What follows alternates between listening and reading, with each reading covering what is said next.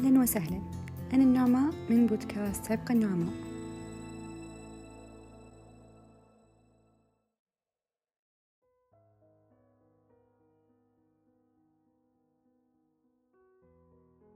خلونا نتخيل سوا.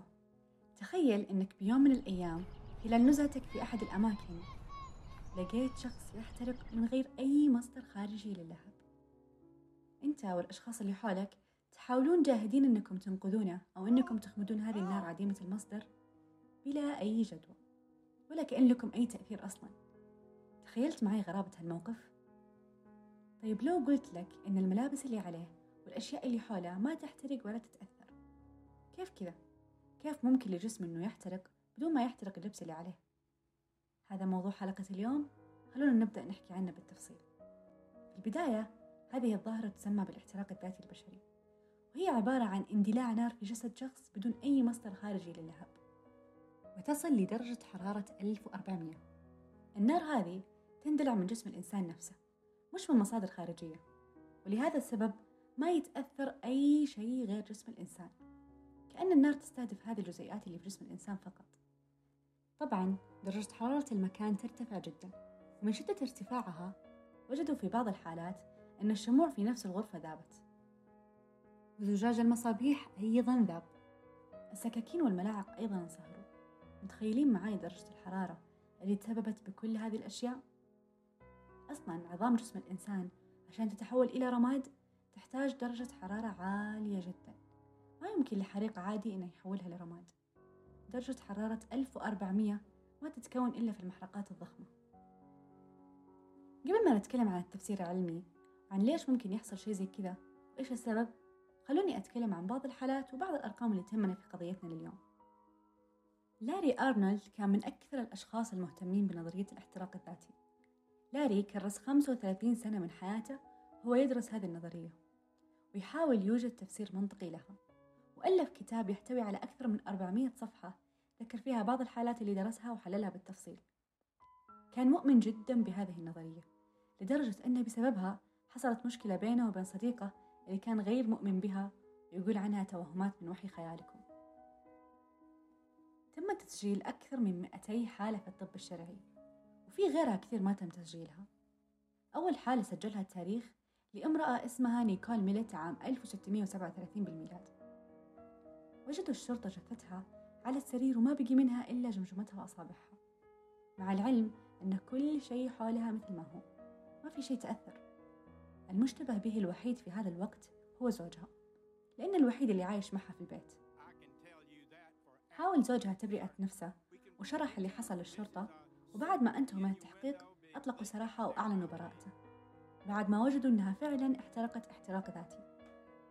واللي خلاهم يتأكدون أنه احتراق ذاتي هو أن كل شيء حولها كان على حاله.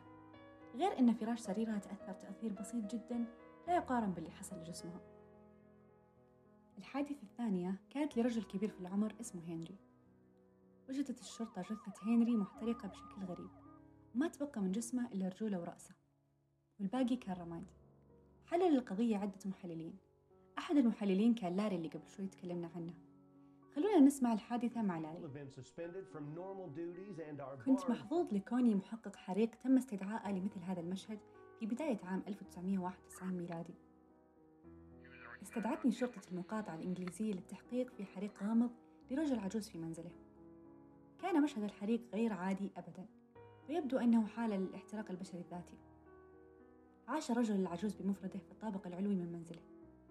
كان الطابق العلوي من بناء خرساني واللي منع الحريق أنه يوصل للدور السفلي. عند حضور الشرطة وجدوا أنه كان هناك حريق صغير نسبيا في غرفة الجلوس. تمركز الحريق في المكان اللي يجلس فيه العجوز بالعادة على كرسيه. تم إخماد الحريق من تلقاء نفسه وظل باب الشقة مقفل وظلت النوافذ المغلقة غير مكسورة. كان المكان الوحيد المحترق هو الكرسي اللي يجلس عليه العجوز بالعادة وقد نجت قدميه وأسفل ساقيه بدون أن تحترق ولا يزال يرتدي نعاله وغالبية بنطلانه وكان رأسه قد تدحرج إلى زاوية الغرفة حيث نجا من الحريق بأقل قدر ممكن. وبجوار المنطقة المحترقة كان هناك القليل من التلف الناتج عن الحرارة. وكانت عدة زجاجات مشروبات مستهلكة جزئيا واقفة منتصبة على الأرض بجوار الكرسي. بعيدا كانت المدفأة تحتوي على فحم غير محترق وعبوات من الورق المقوى المهملة وبالتالي لم تكن مضاءة وقت الحريق. كان هناك مصباحان كهربائيان معلقان في الغرفة وكان المصباح الأقرب لموقع الجسم المحترق قد ذاب جزئيا وسقط على الأرض. ولكن عند الاختبار ظلت الدائرة الكهربائية والمصباح يعملان. أيضا كان هناك نوعان من المدفآت الكهربائية في الغرفة ولم تظهر أي أضرار ناجمة في أي منهما. وكان أقرب موقع للحريق مدفأة مسخنة مملوءة بالزيت وضعت عليها ملابس غير محترقة وكان يستريح عليها عصا المتوفي ولم تتأثر أيضا. المدفأة الأخرى كانت على بعد مسافة وكما أنها لم تكن تعمل. يحتوي هذا الحريق على جميع السمات للاحتراق البشري الذاتي أي أن النار تركزت على أوسط الجسم واستهلكته تماما. لتترك أطرافا غير محترقة. في هذه الحالة بقي فقط الرأس والقدمين. يبدو أنه كان حريقا أقل حرارة مقارنة ببعض حالات الاحتراق الذاتي ولم يوفر حرارة كافية لإتلاف الرأس والقدمين. وهنا انتهى لاري من تحليل هذه الحادثة. طيب خلونا الحين ننتقل لبعض التفسيرات العلمية لها.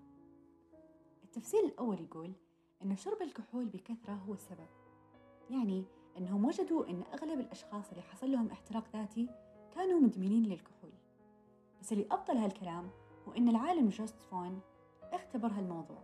أخذ كرة قطنية وغمسها في الكحول وأشعل النار فيها. والنتيجة أثبتت العكس.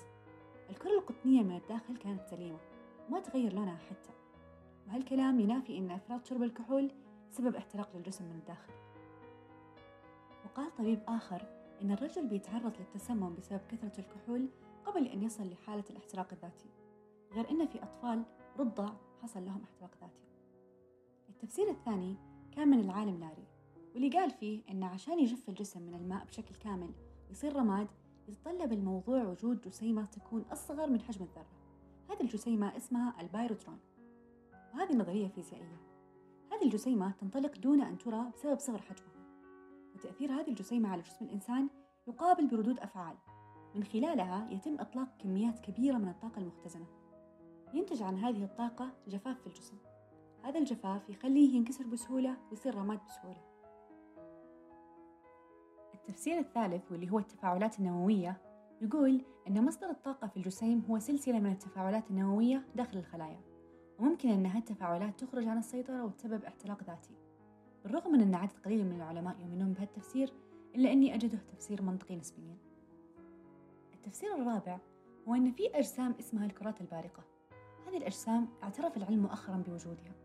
هي عبارة عن مصدر مكثف من الطاقة المغناطيسية العالية جدا. هذه الكرات تتحدى الجاذبية ولها قدرة على اختراق الجدران والنوافذ.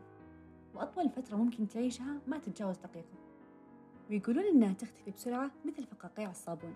واللي يحصل باختصار إنها لما تصطدم بالجسم تجعله يفقد وعيه. من أثر الصدمات وبسبب تأثيرها العالي جدا يبدأ جسم الإنسان بالاضطراب ويبدأ بالاحتراق الذاتي ويتحول لرماد. التفسير الخامس والأخير هو أكثر نظرية قريبة للمنطق نظرية مفعول الفتيل.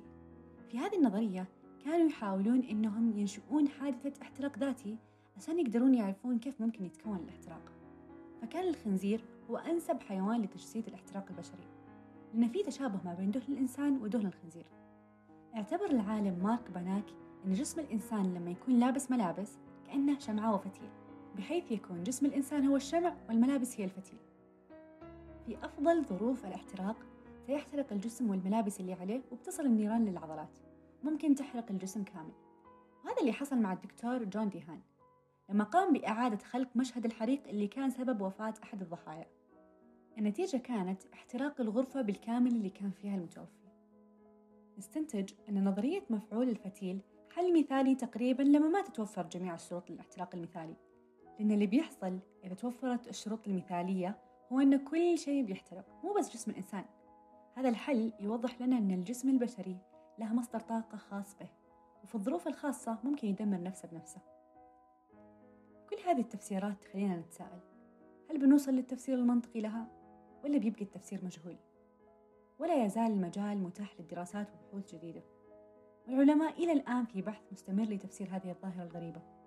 ولتبدو كأنها نسج من الخيال.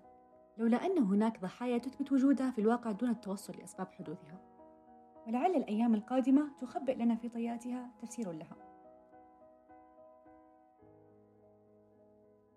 شاركونا آراءكم واستفساراتكم في خانة التعليقات. وزوروا حسابنا في تويتر لطرح اقتراحاتكم ومناقشة المواضيع القادمة.